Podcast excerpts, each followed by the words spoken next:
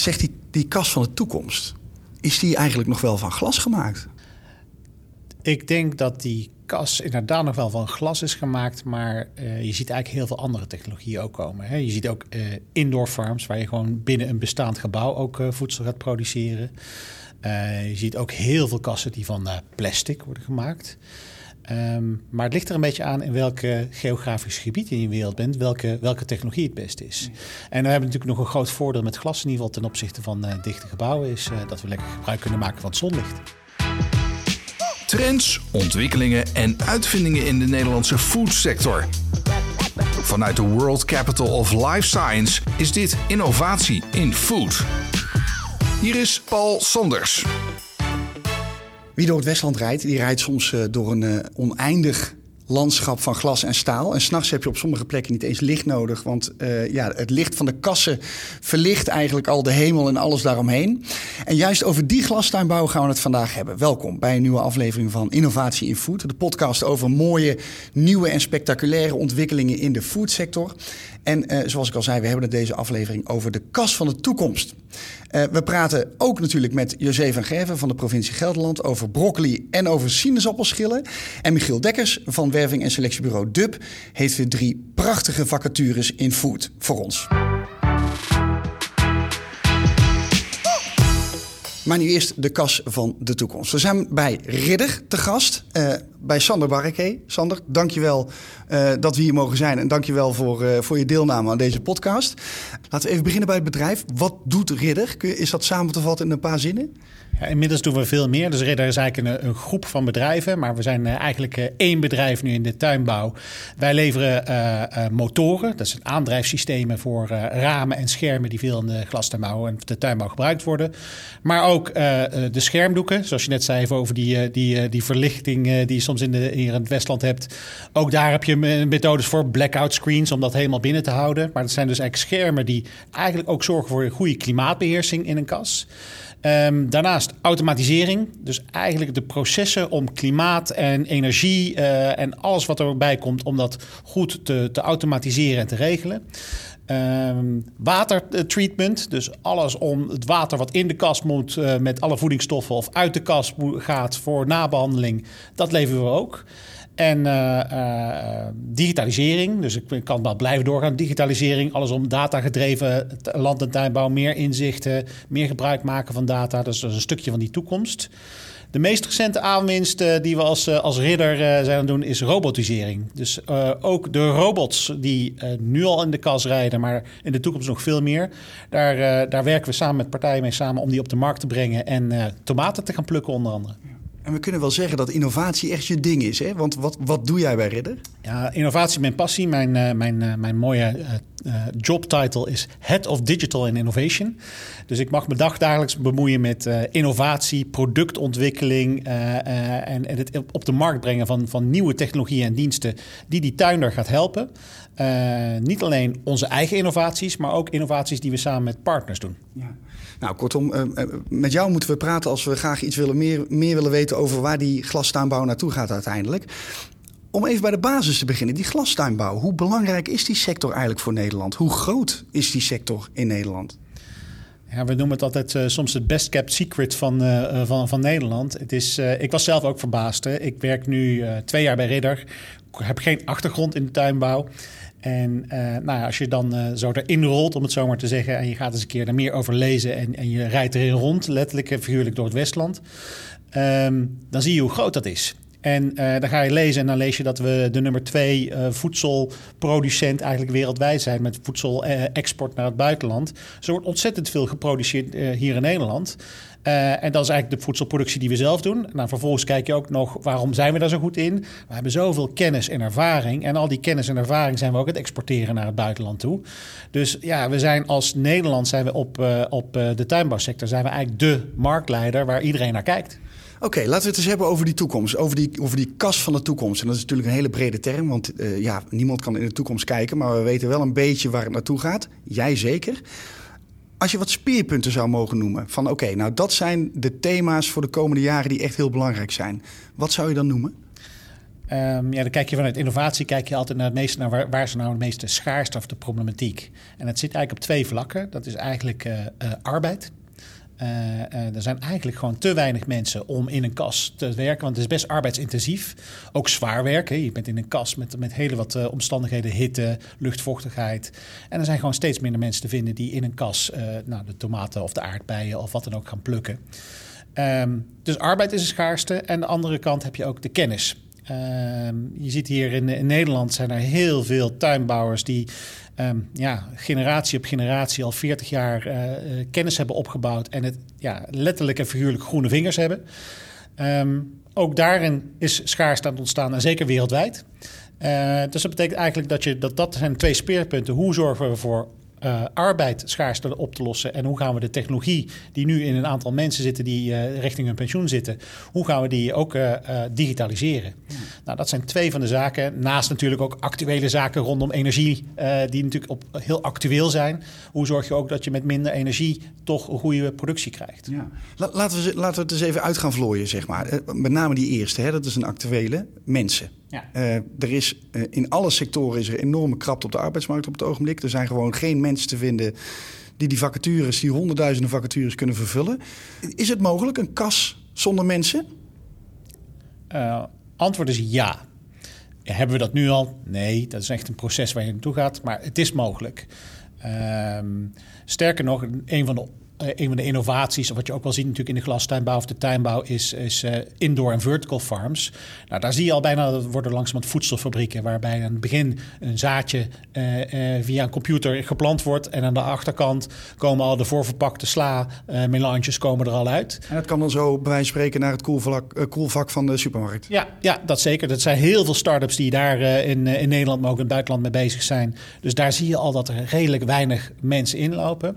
Maar ook in de in, de meer zeg, conventionele kassen. Dus al die kassen die je hier in het Westland onder ziet of ook wereldwijd ziet, dat is nog behoorlijk arbeidsintensief. En wat je daar ziet is dat de toename van robots of, of uh, rijdende voertuigen die al deel van de taken overnemen, of het is uh, het scouten van, van ziekte en plagen, maar ook zelfs het plukken van uh, tomaten of aardbeien of wat dan ook, wordt al gedaan. En dat is een evolutie die heel snel gaat nu. En kun, kun je er eens een concreet voorbeeld van noemen? Maakt, maakt Ridder ook de technologie om die, noem maar wat, die tomaten te plukken? Of heeft, of heeft daar partners bij? Ja. Dat vinden we een hele belangrijke. We hebben heel veel kennis van de branche en doen ook heel veel ontwikkelingen zelf. Hè. Dus we hebben echt een innovatieteam wat heel veel uh, uh, nieuwe onderwerpen bezig is. Maar we weten ook dat we niet alles vanuit Ridder zelf kunnen doen. Er zijn zoveel partijen wereldwijd en ook in Nederland, start-ups en andere partijen die nu in die tuinbouw uh, bezig zijn. Dat we die met open armen verwelkomen en daar graag mee samenwerken. Een voorbeeld daarvan is, is robotisering. Uh, vorig jaar hebben we dat aangekondigd dat de Ridder ook in de robotisering start, uh, stapt. Dat, dat is gedaan door samen te werken met een Israëlisch bedrijf, Metomotion. Die heeft een, een robot ontwikkeld, een tomatenplukrobot. en Ridder is nu de partij die daar wereldwijd deze tomatenplukrobot in de markt gaat zetten. In samenwerking dus met deze start- of scale-up. Uh, en dat doen we onder andere om dat probleem van die arbeiders op, uh, op te lossen, of mede op te lossen. Maar ook omdat we zien dat zo'n robot weer kan helpen op hele andere processen. Want die robot rijdt door die kas en die heeft camera's. En die ziet dus ook veel meer. Nou, dat kunnen wij weer gebruiken in onze klimaatbeheersing om uh, daar weer beter op te sturen. Of uh, we zien ook hoeveel tomaten er nog uh, geplukt moeten gaan worden, die de robot zelf niet heeft kunnen plukken. Dan gaan we met onze arbeidssoftware kunnen we daar weer op, op inspelen om de planning aan te passen. Even terug naar die robot, waar we het net over hadden, van het Israëlisch bedrijf. Ik, ik heb dan een voorstelling van echt een robot. Ziet hij er ook zo uit? Um, ja, nee. We, uh, uiteindelijk is het wel een kar die er doorheen gaat met grijparmen. Dus er zit, uh, maar we hebben zeker hebben we hem een soort menselijk karakter gegeven. Oh ja?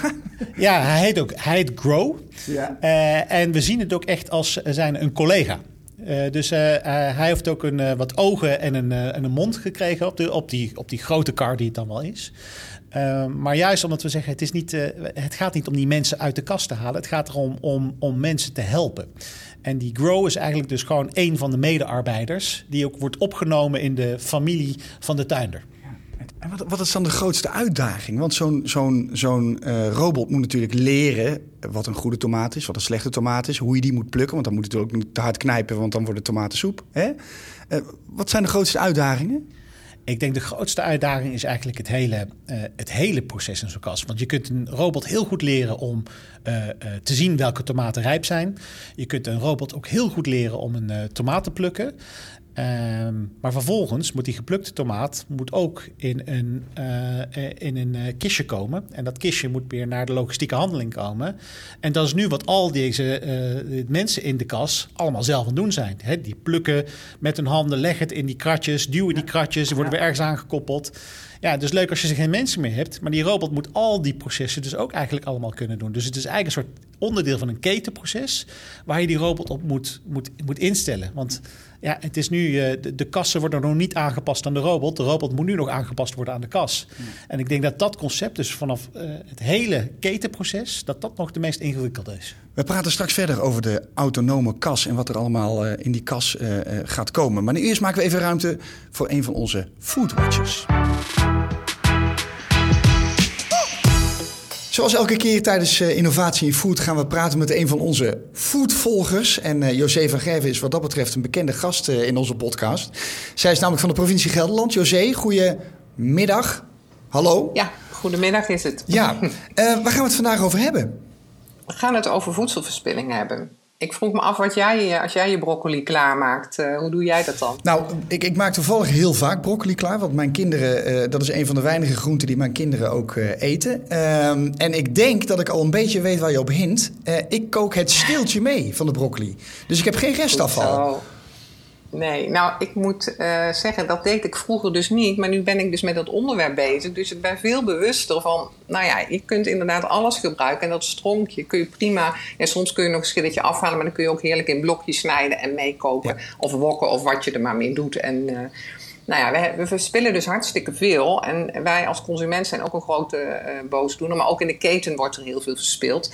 Uh, een, een, grote stroom is bijvoorbeeld bananen. Ja. En uh, nou ja, we hebben in Gelderland een hele mooie uh, start-up of misschien een, ja, een bedrijf uh, die de bananen ook verwerkt tot bananenbrood. Mm. En, en, het gaat ook om enorme getallen. Bananen, dat is dus het meest verhandelde fruit ter wereld. En alleen al in nee. Europa hebben we dus 6,5 miljard kilo bananen waarvan dus 1 tot 3 procent verloren gaat. En dan niet alleen ook bananen die al helemaal rijp zijn, want ze moeten tijdens de reis dus uh, rijpen. Maar bananen die, ja, ze worden dus afgekeurd en uh, nou ja, er kan van alles uh, misgaan. Um, en zij, Sunt is dus een bedrijf, um, nou ja, die verwerken dat tot, tot bananenbrood. Dus dat, dat vind ik wel een mooie dat je steeds meer bedrijven, en dan, ik vind dus ook heel knap dat het dan start-ups zijn, want uh, de bananenfactory, uh, dat is dan Sunt. Hè? Dit bedrijf uh, dat gaat dus ook voor de verwerking in Gelderland landen. Maar een andere voorbeeld, dat zit, die zit trouwens in Brabant, dat zijn Peel Pioneers. Ja, Peel van de en schil. Die, ja, en die verwerken dus de schillen en, en die halen dan heel veel waardevolle ingrediënten, zoals bijvoorbeeld sinaasappelelolie uit schillen. Kijk eens aan. Dus ook en, van fruit, de reststromen, daar kunnen we nog hele nuttige ja. dingen mee doen. Ja, dus echt dat verwaarden van reststromen. En nou ja, je ziet dus steeds meer uh, mooie initiatieven. Vaak ook ja, jonge mensen die daar uh, ja, een duurzame ambitie hebben. En die daar dus dan ook een, een bedrijf op zetten. En dat is natuurlijk, ja, heb je voldoende stroom? Hè? Is de stroom groot genoeg? Uh, we hebben al langer, dat is trouwens ook in Brabant, uh, de verspillingsfabriek die dan uh, ook de kapjes tomaat bijvoorbeeld, hè, van alle tomaatjes die op de hamburgers bij McDonald's verwerken zijn dan tot soep of zo. Mm -hmm. Dus ja, dat, zo kennen we heel veel mooie voorbeelden. over die sinaasappelelolie bijvoorbeeld, van, dat wordt dan bijvoorbeeld in cosmetische producten verwerkt.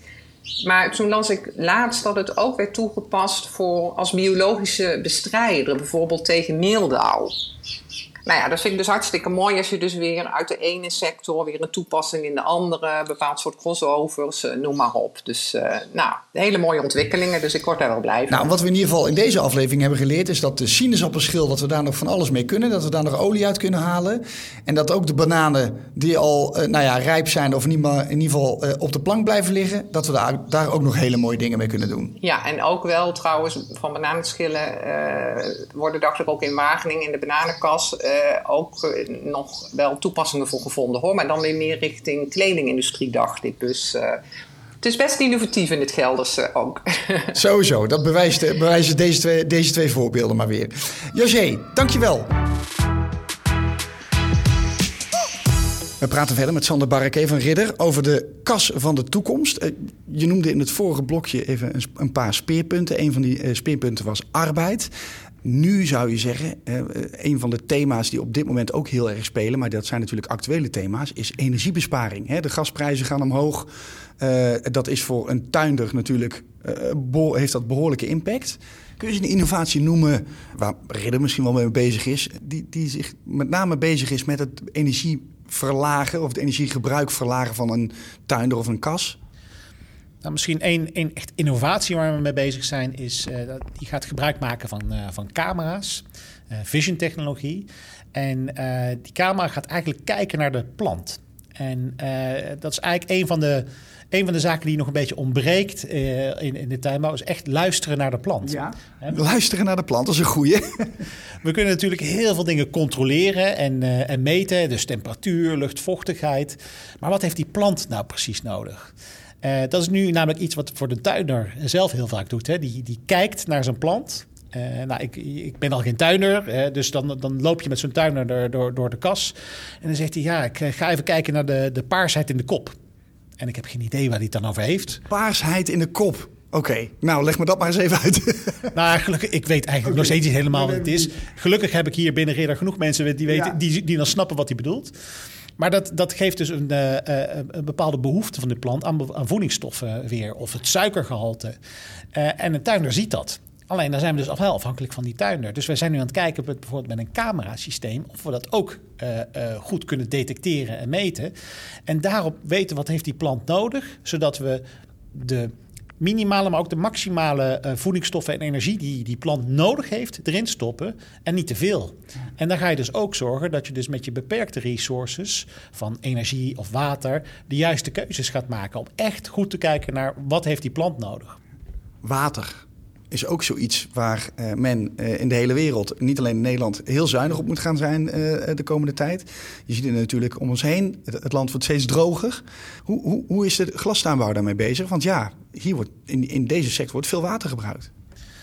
Of valt dat wel mee?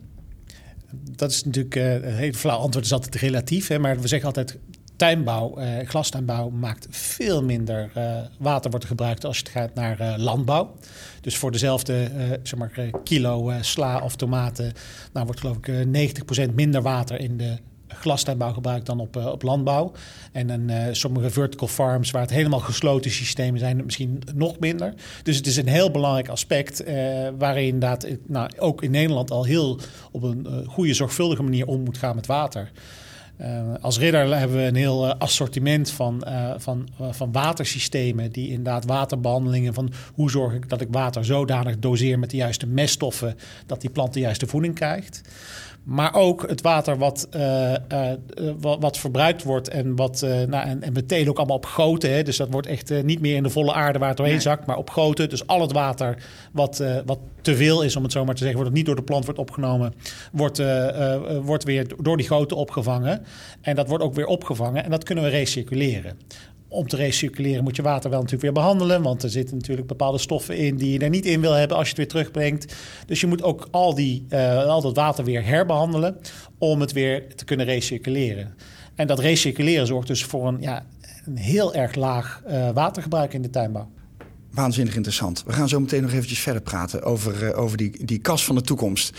Um, en we hebben het ook al eventjes gehad over de menselijke factor. En dat die menselijke factor misschien steeds minder wordt. Uh, maar ja, hoe dan ook. Uh, er zijn nog steeds heel veel mensen uh, nodig in de foodsector. En dat is een naadloos bruggetje naar een van onze vaste rubrieken in deze podcast. Namelijk de vacatures in food. Zoals elke aflevering van uh, Innovatie in Food hebben we contact met uh, Michiel Dekkers van DUB Werving en Selectiebureau. En jullie weten natuurlijk alles als het gaat om uh, mooie vacatures en mooie kansen op de arbeidsmarkt. als het gaat om food, want daarin zijn jullie gespecialiseerd. Voor welke drie bedrijven gaan we vandaag aan de slag? We hebben een vacature voor Bobely, een vacature voor Coroos en een vacature voor A-Vogel. Kijk eens aan. Laten we beginnen met Bobly. Die naam die ken ik totaal niet. Dus jij gaat nee. me nu uitleggen uiteraard wat dat voor bedrijf is. Ja, ja, ja, en dat is logisch dat mensen dat niet kennen, want uh, zij produceren namelijk onder private label. Ja. Maar ik denk dat de meeste mensen de producten wel een keertje gegeten hebben. Uh, zij maken focaccia's, onder andere. Ah. Um, met daarop uh, olijven, tomaten, tapenades, pesto, noem maar op. Kijk eens aan. En wat zoeken jullie voor Bobli? Wij zoeken daar een, een, een CAM officer. En CAM is een afkorting voor kwaliteit, arbo, milieu. Um, en dat kan een jong iemand zijn. Uh, iemand met een diëtetiek achtergrond of met een kwaliteitsachtergrond of een levensmiddelentechnoloog. Uh, en die kan daar echt die kan daar een hele mooie job gaan doen. Want het is een ontzettend ondernemend bedrijf. Heel snel. ze maken prachtige producten. Ambachtelijk zelfs nog. er zit een jong kwaliteitsteam. En je krijgt hier ook de kans, omdat het zo'n ondernemende organisatie is, om heel veel kansen te pakken. Uh, wil je de breedte in? Uh, wil je uh, de productie in? wil je je voornamelijk bezighouden met de kwaliteitssystemen? dan, kun je dat gewoon, dan kun je dat gaan doen. Dus je kunt zeg maar lekker groeien in dat bedrijf als je er eenmaal binnen bent. Absoluut, absoluut. En dat brengt natuurlijk wel een flinke verantwoordelijkheid met zich mee. Want je moet namelijk wel je mannetje staan. Je moet wel zorgen dat je die kansen dus ook zelf gaat creëren en gaat pakken. Ja, en wat doet een CAM-officer? Wat is, uh, wat, wat is zijn of haar job? Een, een CAM-officer is uh, voornamelijk bezig met uh, het verder uitbouwen van managementsystemen. Dus in de kwaliteitswereld binnen de levensmiddelenindustrie moet je voldoen aan allerlei certificeringen en eisen. en, en deze CAM-officer die is daarmee bezig. Niet alleen op kwaliteitsgebied, maar ook op het gebied van arbo en milieu. Kijk eens aan. Dus niet alleen een leuke job, maar ook nog eens doorgroeimogelijkheden. Absoluut. Perfect. Nummer twee. Dat is Coroos. En die, en die, kennen, die kennen jullie natuurlijk ook niet zo goed. Dat is weer een private label uh, bedrijf. En Coroos is een samenvoeging van Cor en Oostrom. Uh, de beste man heette zo, of heet zo. Uh, en dat is een conservebedrijf. En zij maken groente- en fruitconserven. Ja, in potjes en in blikjes. In potjes, in blikjes, in zakjes, in bakjes, in, in, in, in alles. Ja. Je kunt het zo gek niet bedenken. En wat zoeken jullie? Wij zoeken daar een, een, een productprocestechnoloog. En dat is een bijzonder leuke combinatie. Uh, je kunt je voorstellen, zij hebben een heel groot scala aan allerlei producten. En we zoeken deze productprocestechnoloog specifiek voor de fruitfabriek. Waar ze heel veel appelmoes maken bijvoorbeeld, maar ook heel veel andere soorten fruitproducten. En daar zit een enorme drive in qua innovatie. Daar moet geïnnoveerd worden om de markt te blijven bedienen en de consumenten uiteindelijk van leuke producten te voorzien. En wat moet die uh, productprocestechnoloog eigenlijk precies kunnen? Wat moet die, uh, die, die, die echte kwaliteit zijn om, uh, om bij Caroos aan de slag te kunnen? Caroos heeft al een R&D-team. Daar kom je in. en daar zitten eigenlijk twee slag mensen in. Daar zit een, een, een, bijna een wetenschapper in. En daar zit een hele creatieve persoon in. En daar zit een procestechnoloog in. En jij komt daarbij. En jij moet zorgen dat je de brug kunt vormen tussen de slimme kop die het allemaal bedenkt de creatieveling die iets heel lekkers kan maken. En de procestechnoloog die alleen maar naar de machines kijkt. En jij bent degene die dus mee moet kunnen denken in die innovaties. Gaat dat werken? Is dat opschaalbaar? Kunnen we dat uiteindelijk uh, uh, gaan verkopen? Wie zit er daarop te wachten? Hoe ziet dat product eruit? Wat moet daarin zitten? Wat mag er vooral niet in zitten? Dat is ontzettend breed. Dus dat betekent, uh, er zijn prachtige creatieve ideeën, maar jij bent een van de mensen die gaat kijken of het ook uitvoerbaar is. Letterlijk. Uiteraard. Precies. Ja. Dan de derde. A-vogel. A-vogel. En die kent iedereen die wel. Die kent iedereen, precies. Dat, uh, dat ja. is een heel bekend merk. Ja, ja, ja, dat is ook een prachtig merk. En het is een, een, een, een bijzonder bedrijf wat dat betreft. Het is een, uh, er zit een stichting boven. Ja. Dus er zit geen, winst, uh, er zit geen winstaandeel in. Um, en al het geld dat verdiend wordt, wordt met name teruggebracht in R&D. Nieuwe producten bedenken. De werkzame stoffen uit planten halen.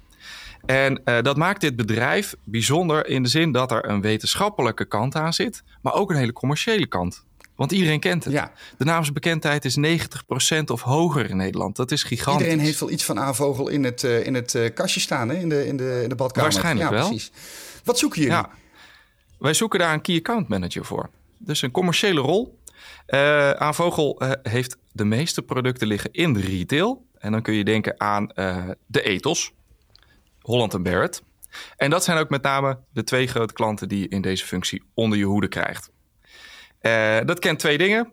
Dat kent keihard onderhandelen over prijzen uiteraard, maar dat doe je maar één keer per jaar. En de rest van het jaar ben je bezig met strategische plannen. Ben je met name bezig om met die klanten mee te denken. Wat zijn onze doelgroepen? Hoe zien die schapruimtes eruit? Hoe kunnen we daar uh, een beter assortiment in aanbieden? Uh, probeer ze te overtuigen door middel van marktonderzoek. Te laten zien dat je nieuwe producten, betere producten, andere acties kunt doen om die consumenten over de streep te trekken. En het is geen onbelangrijke functie, want je zit dus bij grote klanten aan tafel. Ja, absoluut. Je moet hier in je mannetje staan. Ja. Het is niet per definitie dat we hier een hele ervaren rot voor zoeken. Uh, je moet het leuk vinden om, om met retailklanten te werken. Uh, en je, je moet wel stevig genoeg zijn om die onderhandelingen met die grote klanten aan ja, te kunnen. Commercieel kunnen denken en uiteraard iets hebben met Avogel. Dat is ook wel belangrijk. Hè? Een beetje betrokkenheid hebben bij het product. Ja, absoluut. Ja. Ja. Goed zo. Drie prachtige vacatures. Uh, Michiel, als, uh, als uh, mensen dit horen en graag meer willen weten, waar kunnen ze dan terecht? Zij kunnen natuurlijk naar onze website www.dub.nl of ze kunnen mij direct bellen of mailen. Mijn contactgegevens staan op de website.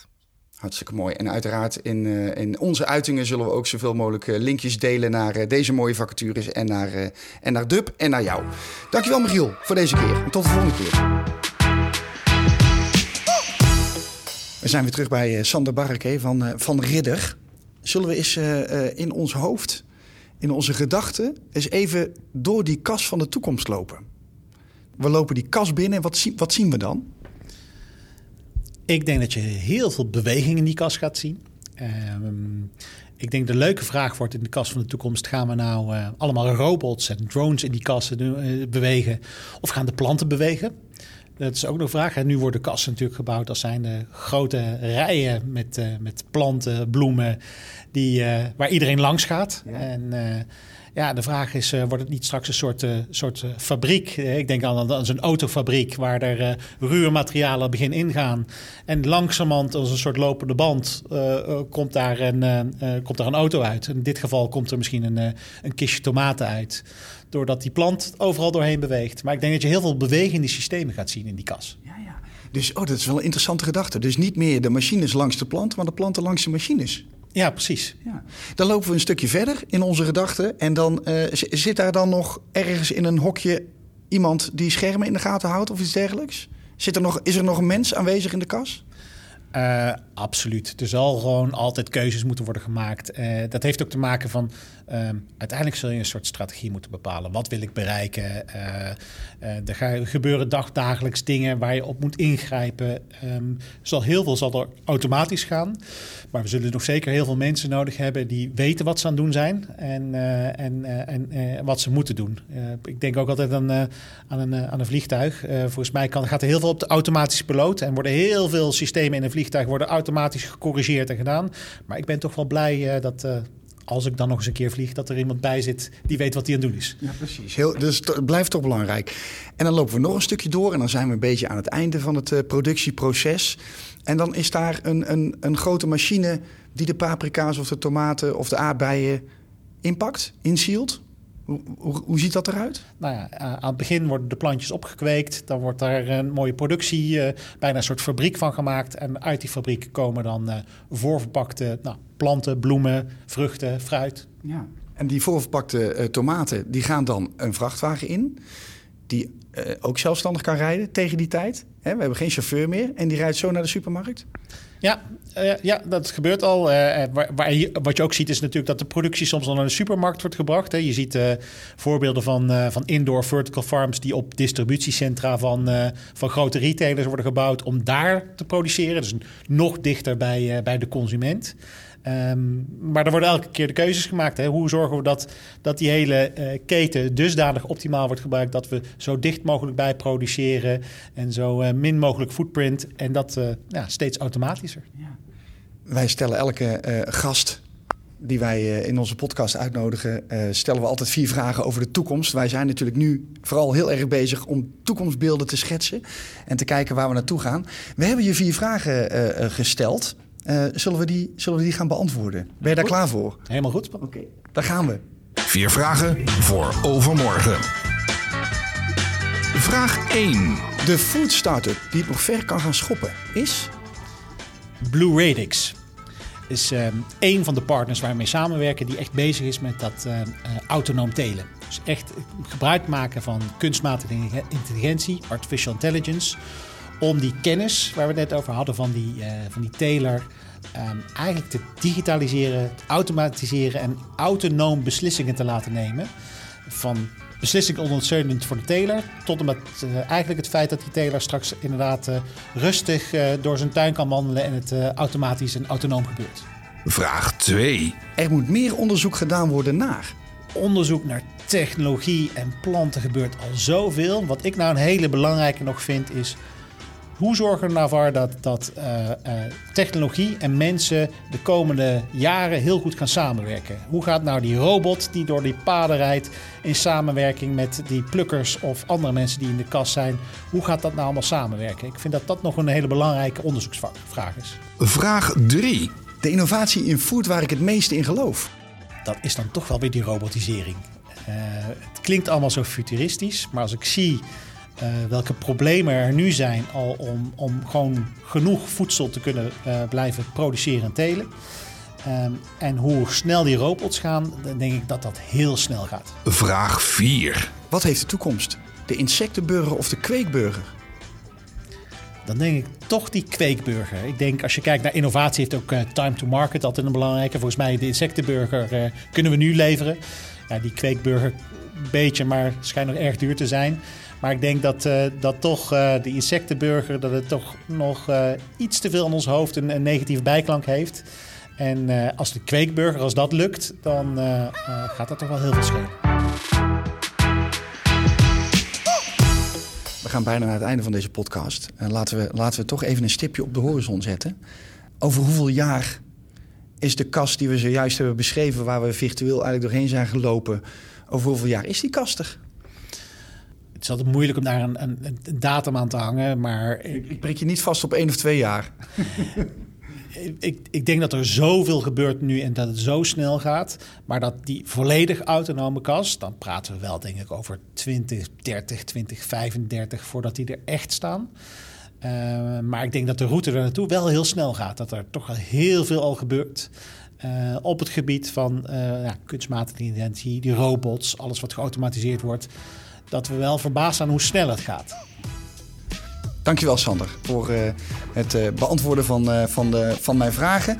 En dat je te gast wilde zijn in deze podcast. En heel veel succes bij Ridder. Dankjewel Paul. Nou, dit was Innovatie in Food. Um, in de volgende aflevering gaan we het hebben over iets heel bijzonders. Of eigenlijk beter gezegd, over iets heel bijzonders. Dankjewel voor het luisteren en uh, tot de volgende keer. Heb je ideeën of zie je ontwikkelingen, dan horen we heel graag van je. Je kunt ons bereiken via innovatieinfood.nl. Dit was hem weer. Tot de volgende keer.